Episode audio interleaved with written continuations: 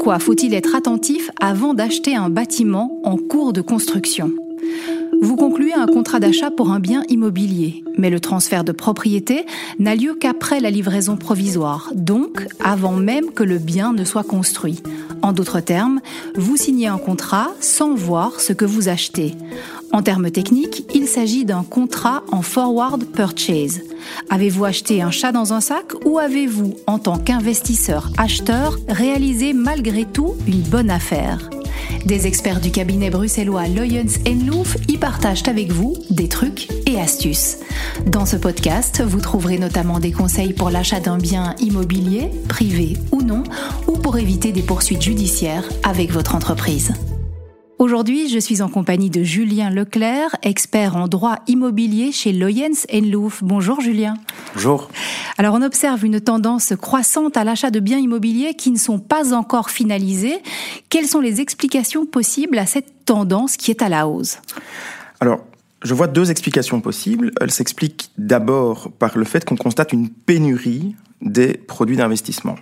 Alors cette pénurie, elle s'explique par le fait que le marché immobilier en Belgique, eh bien, c'est un marché qui fonctionne bien malgré la crise, et qu'une fois que les immeubles sont vendus, eh bien, il faut les reconstruire, il faut euh, les rénover, et cela, ça prend du temps, notamment pour obtenir un permis d'urbanisme.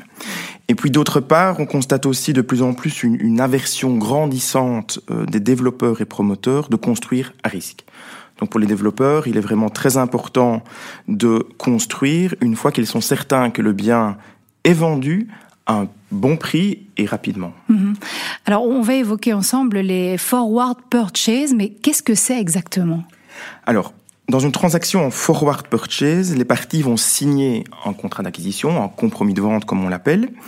Et puis, bien que le contrat est signé, le transfert de propriété, donc le transfert de risque, ne va pas se faire au moment de la signature du contrat, mais il va être postposé une fois que les constructions auront été réalisées et une fois que ce qu'on appelle la réception provisoire de l'immeuble euh, aura eu lieu. Et tout cela va être, je dirais, contractualisé via une condition suspensive. Donc le contrat va sortir ses effets une fois que la condition liée à la réception provisoire va être réalisée.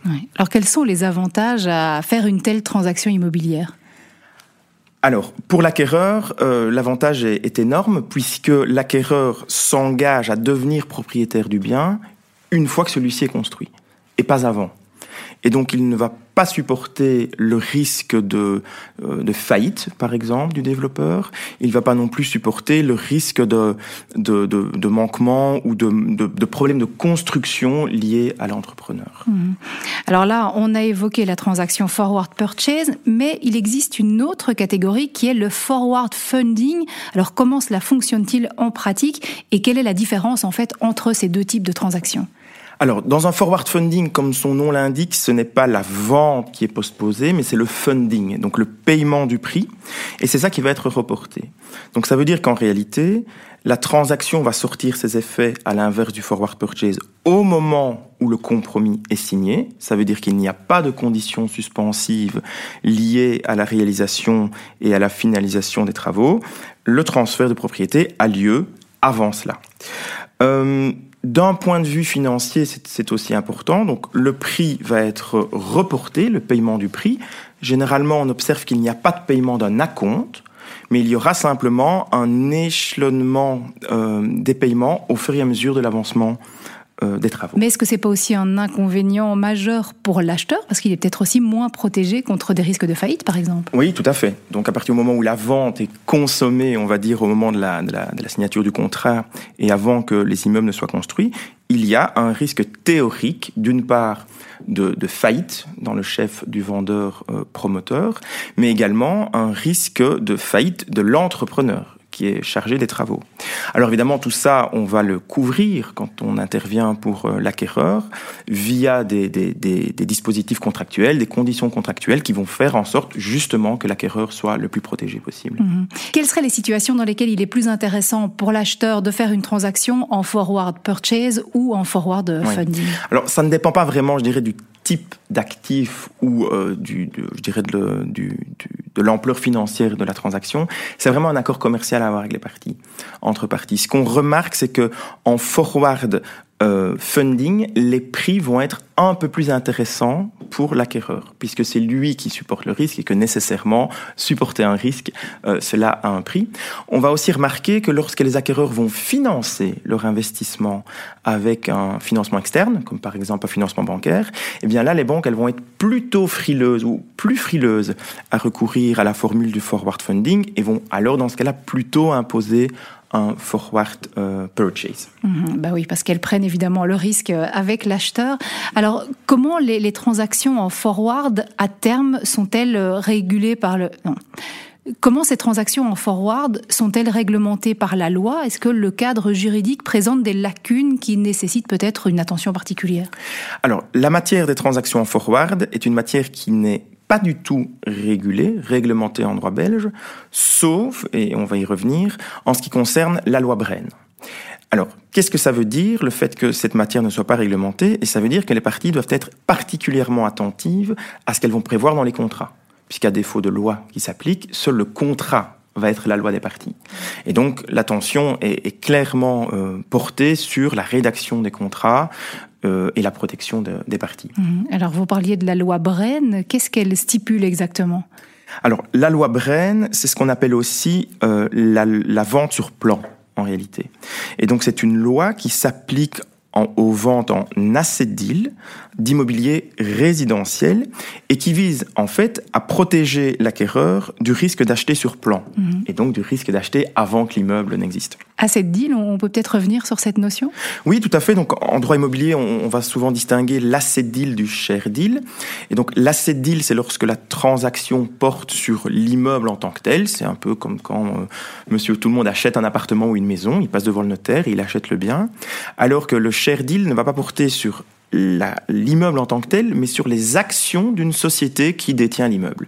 Et c'est un mécanisme qu'on rencontre beaucoup euh, en Belgique pour des raisons fiscales surtout. Mmh. Donc cette loi Bren protège les particuliers. Exactement, oui, oui tout à mmh. fait. Elle, portait, elle protège les particuliers, mais pas uniquement les particuliers, c'est-à-dire qu'elle va aussi s'appliquer, par exemple, si une personne achète avec sa société. Ce n'est pas parce que l'acquéreur est une société que la loi Bren ne va pas s'appliquer. Et de même, si un particulier achète euh, un immeuble ou un appartement dans le cadre d'une activité de promotion immobilière ou une activité de construction, eh bien là, la loi Bren ne s'appliquera pas parce qu'on va estimer qu'il est lui-même un professionnel de l'immobilier. Mmh. Euh, si on revient peut-être un petit peu plus concrètement sur cette loi, comment est-ce qu'elle le protège l'acheteur? Alors, elle va le protéger au long, je dirais, du processus de construction de l'immeuble euh, et sur plusieurs points. Alors, D'abord, elle va le protéger d'un point de vue financier, et ça évidemment c'est important.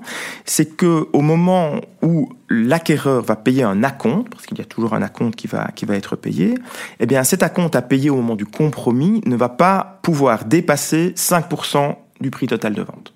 Ça c'est la première chose.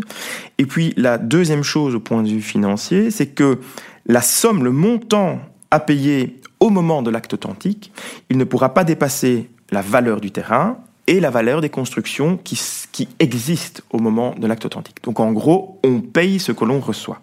Un deuxième, euh, un deuxième avantage et une deuxième protection pour euh, l'acquéreur, c'est que le transfert de propriété va se faire au fur et à mesure des constructions, mais le transfert des risques liés aux constructions, lui, va être postposé au moment de l'acte authentique. Alors très concrètement, qu'est-ce que ça veut dire? C'est que imaginez que pendant les constructions, la construction de l'immeuble, il se passe quelque chose, un incendie, une démolition.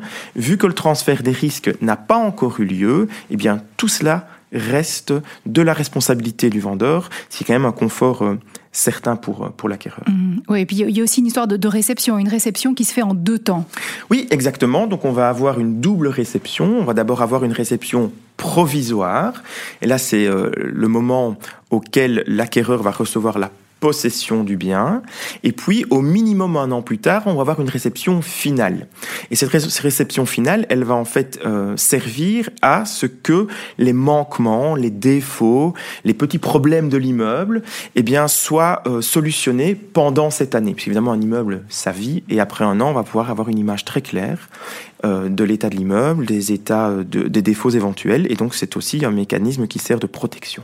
Alors, euh, Julien Leclerc, quels sont les conseils que vous donneriez à ceux qui envisagent de se lancer dans une transaction forward? Est-ce qu'il y a des points d'attention particuliers? Oui. Vous parliez tout à l'heure de, de, ne pas acheter un chat dans un sac, et je pense que c'est très important parce que dans le cadre d'une transaction forward, ce qu'on achète n'existe pas encore. Donc on a des plans, on a un cahier des charges, on a des spécificités techniques, mais pas plus que ça. Et donc il est très important d'avoir une analyse très claire et précise de ce qu'on achète, euh, de la capacité aussi des intervenants, de leur capacité technique, de leur capacité financière, hein, du vendeur, de l'entrepreneur, pour pouvoir euh, mener euh, à bien le projet. Donc ça c'est vraiment, je dirais, une phase euh, préliminaire qui est très importante. Ensuite, j'en touchais un mot également tout à l'heure, à défaut d'une protection par la loi hors loi Bren, il est très important d'avoir un contrat en béton. Que le contrat vise tous les cas possibles. Et notamment le pire. Alors, c'est clair quand, quand on signe une transaction, quand on fait un projet immobilier, on pense souvent euh, euh, aux, aux, bonnes choses. Hein, c'est un bon deal. Et bien, parfois, il, ça ne se passe pas bien. Et il faut pouvoir prévoir les cas où, par exemple, le vendeur n'est plus capable, pour des raisons financières, par exemple, de mener à terme son bien, avec la possibilité alors de de prendre sa place et d'avoir des contacts directement avec les entrepreneurs. Également des mesures, je dirais, euh, de protection par rapport à la faillite de l'entrepreneur, histoire d'être bien certain que tout ça reste chez le vendeur. Et puis un risque financier aussi. Et on va alors travailler avec des systèmes de garantie bancaire, de garantie de la maison mère, des, des systèmes de séquestre qui vont faire en sorte que qu'on tente de limiter au maximum le risque financier pour l'acquéreur. Et donc tout ça va se contractualiser dans la convention qui sera euh, signée par les parties. Et puis, je encore qu'il y a deux points. Euh, lorsqu'il y a un financement, on a une partie tierce qui intervient. La banque, c'est généralement pas les discussions les plus faciles à avoir. Et donc, il faut des accords clairs avec la banque aussi dès le départ, histoire que toutes les parties soient sur la même longueur d'onde. Et puis, un point particulier lorsqu'on analyse un dossier comme celui-là, c'est la question des permis d'urbanisme. Je vous l'ai dit, on sait que l'immeuble n'est pas encore construit, mais on sait aussi qu'en Belgique et certainement en région de Bruxelles-Capitale, obtenir un permis d'urbanisme, ça prend du temps. C'est souvent également un permis qui peut être jugé précaire parce qu'il y a toujours la possibilité d'aller en recours contre un permis et il y en a beaucoup à Bruxelles des recours. Et donc là, c'est un point vraiment très précis et très important dans le cadre de l'audit juridique, c'est cette question de permis d'urbanisme. On l'aura compris, il vaut mieux faire appel à des professionnels pour rédiger ce type de contrat. Merci beaucoup, Julien Leclerc. Merci. Voilà quelques trucs et astuces gracieusement offerts par un avocat. Vous voulez en savoir plus? Surfez sur leco.be slash ou téléchargez la série sur votre appli de podcast préféré.